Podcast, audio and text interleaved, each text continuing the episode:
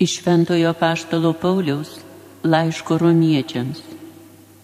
Paulius, Jėzaus Kristaus tarnas, pašauktasis apaštalas, išskirtas skelbti gerąją Dievo naujieną, kurią Dievas buvo iš anksto pažadėjęs per savo pranašus šventuosiuose raštuose. O jie kalba apie jo sūnų, kūnų kilusi iš Davido giminės, šventumo dvasia ir prisikėlimu iš numirusių pristatyta Dievo sūnumi su didžia gale Jėzų Kristų, mūsų viešpatį. Per jį esame gavę malonę ir apaštalo tarnystę, kad jo garbiai skleistume tikėjimo klusnumą visose pagonių tautose. Kartu ir jūs esate Jėzaus Kristaus pašaukti. Visiems Dievo mylimiesiems esantiems Romoje, pašauktiesiems šventiesiems, te būna jums malonė bei ramybė nuo mūsų tėvo Dievo ir viešpaties Jėzaus Kristaus. Tai Dievo žodis. Išganimą viešpats apreiškė. Savo išganimą viešpats apreiškė.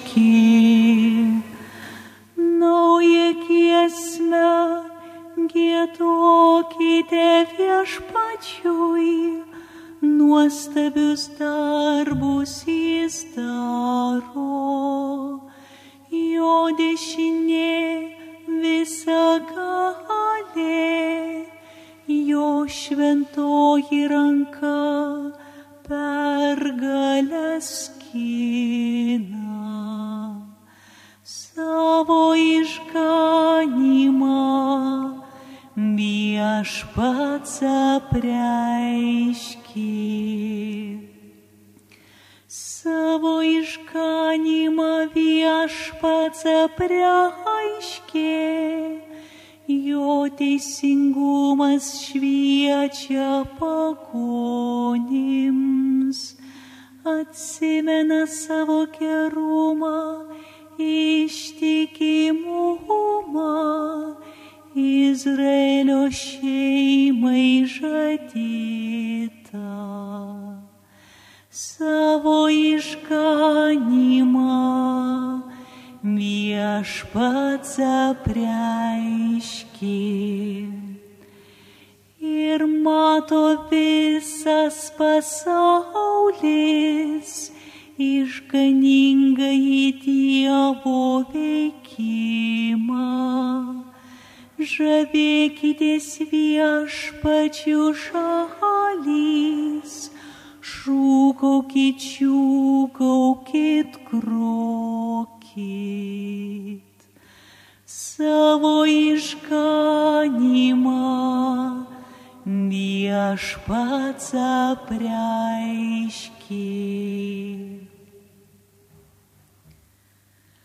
Aleliuja.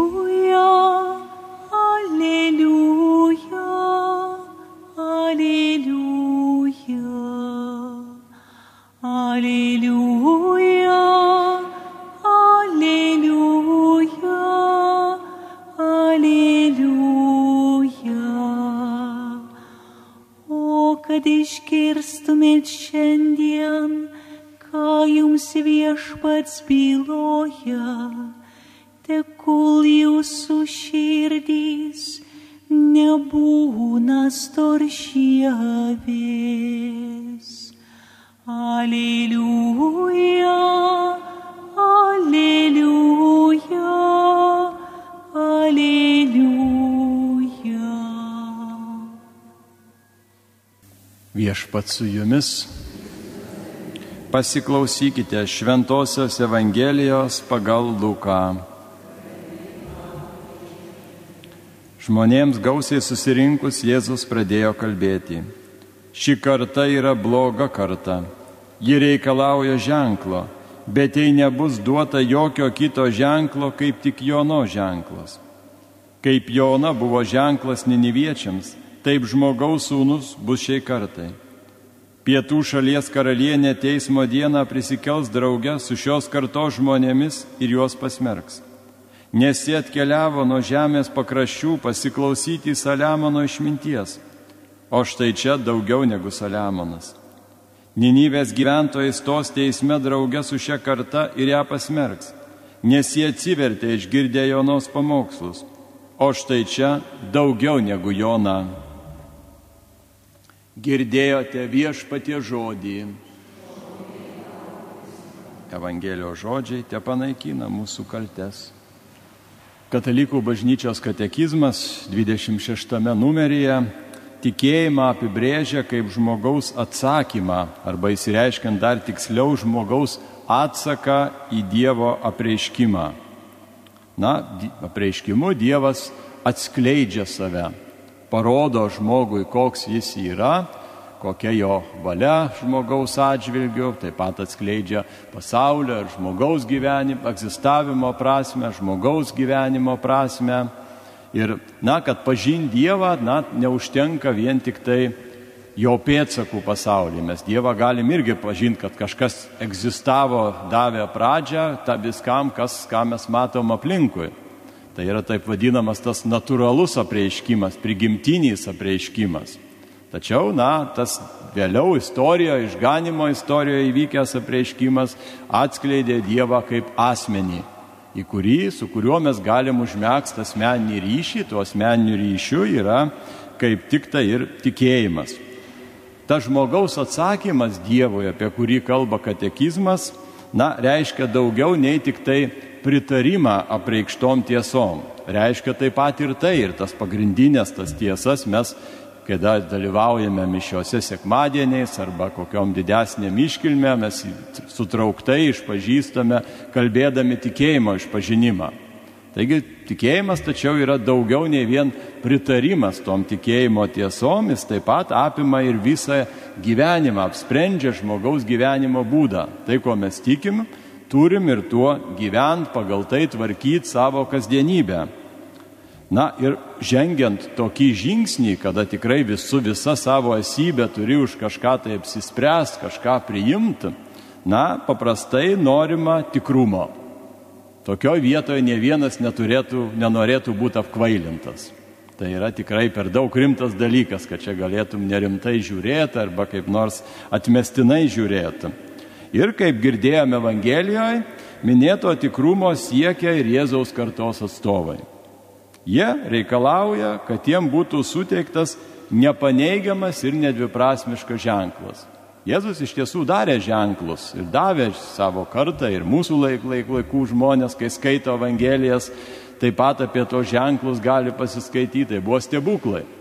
Tačiau stebuklai, na, jie gali būti interpretuojami labai įvairiai. Netikinti žmogus, na, sakys, na, tai atsitiktinumas, galbūt kokios kitos jėgos ir taip pat Jėzaus kartos atstovai irgi turėjo savo paaiškinimus. Jie sakė, na, tai Jėzus daro Belzabulo pagalba tos stebuklus, kad, kaip sakant, netyroji dvasia veikia per jį. Taigi tuos ženklus, kuriuos Jėzus darė, galima buvo interpretuoti labai įvairiai. Jėzausgi kartos atstovai, kaip girdėjom, nori tą tokio jau nepaneigiamo ženklo, kuris būtų akivaizdus, jau, kurio tikrai negalėtum niekaip užginčyti arba kokiais, kokiom natūraliom priežastim paaiškinti. Beje, to ženklo prašymo atvejai sutinkami taip pat ir Senajame testamente, kurie geriau tą Seną testamentą pažįstat, pavyzdžiui, žinot apie tokį Gideoną, apie jį rašoma teisėjų knygoje kai, kai jį pašaukė Dievas išvaduoti išrinktąją tautą iš Midijano priespaudos, na, jisai prieš lemiamą mūšį, kada visi rytų krašto gyventojai susitelkė, kad kovotų prieš jį, jis nori tikrumo, kad Dievas tikrai yra su juo. Ir prašo ženklo. Ir tada tas ženklas sako, kad būtų ten patiesė Vilna, avies nuk, ant, ant žemės ir, na, buvo toks, kaip sako, jeigu visur iškris rasa, bet ta Vilna bus sausa, na, tai bus ženklas. Ir, tas, ir taip ir įvyko. Sekančią naktį jis vėlgi sako, kad dabar atvirkščiai, kad ten, kada, kada vis Vilna turėtų būti šlapia, o aplinkui turi būti sausa. Taip ir įvyko. Na, jisai iš tiesų gavo ženklą ir įsitikino, kad Dievas su juo ir įveikė Midianą.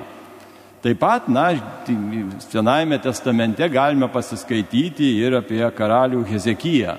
Apie jį rašoma antroji karalių knygoje, kuris irgi jau gulėjo mirties patale ir per pranašą Dievas jam davė žinę, kad štai, kad tu pasveiksi.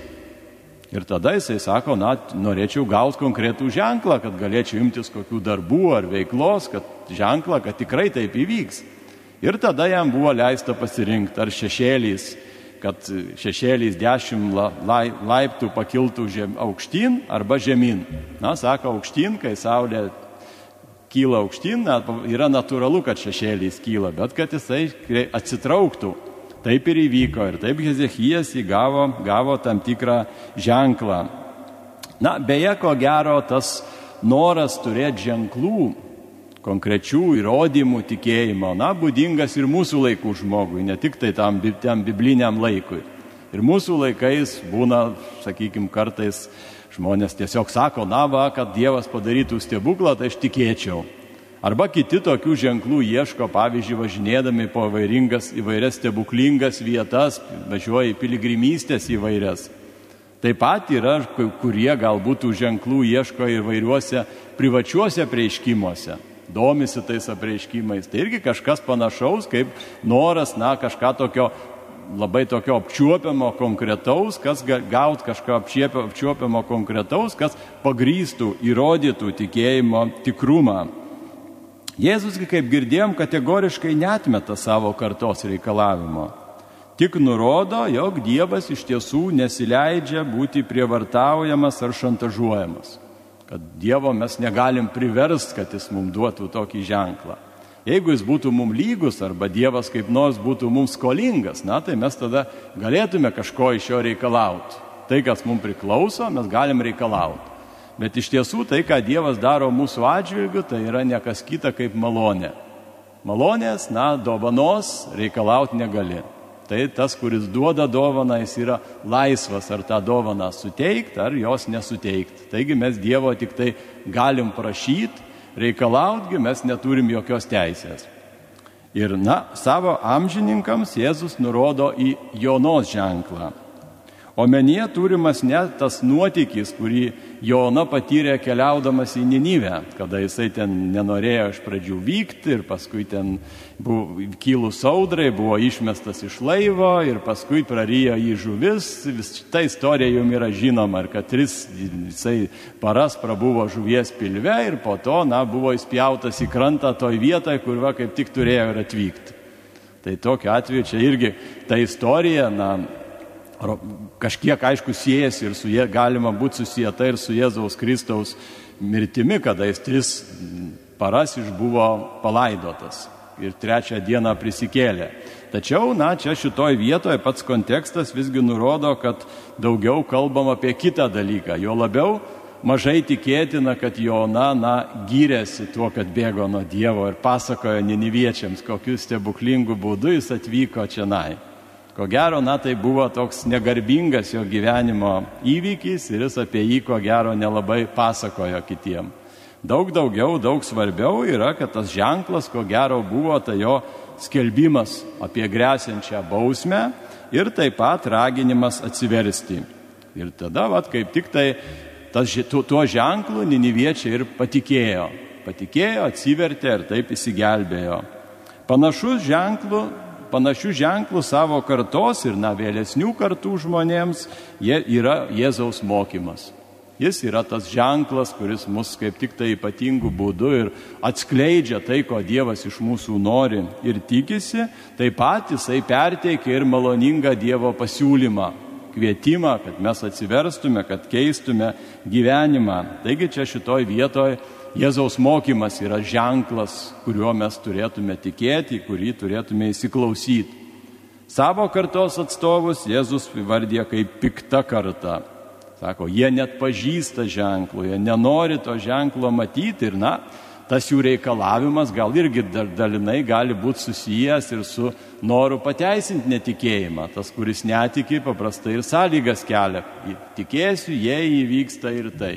Tai čia paprastai na, būna toks ir pasiteisinimo dalykas. Tai, tai čia, na, ko gero, jo kartos atstovai, na, buvo tie, kurie ieškojo tokio pasiteisinimo. Ir Jėzus taip pat dar įvardyje ir ir pietų šalies karalienės pavyzdį, kad sako, ir jinai pasmerk šią kartą, nes jinai vėlgi ieškojo Saliamono išminties ir tą išmintį atrado. Šigi kartą, tačiau, na, Jėzaus net pažįsta.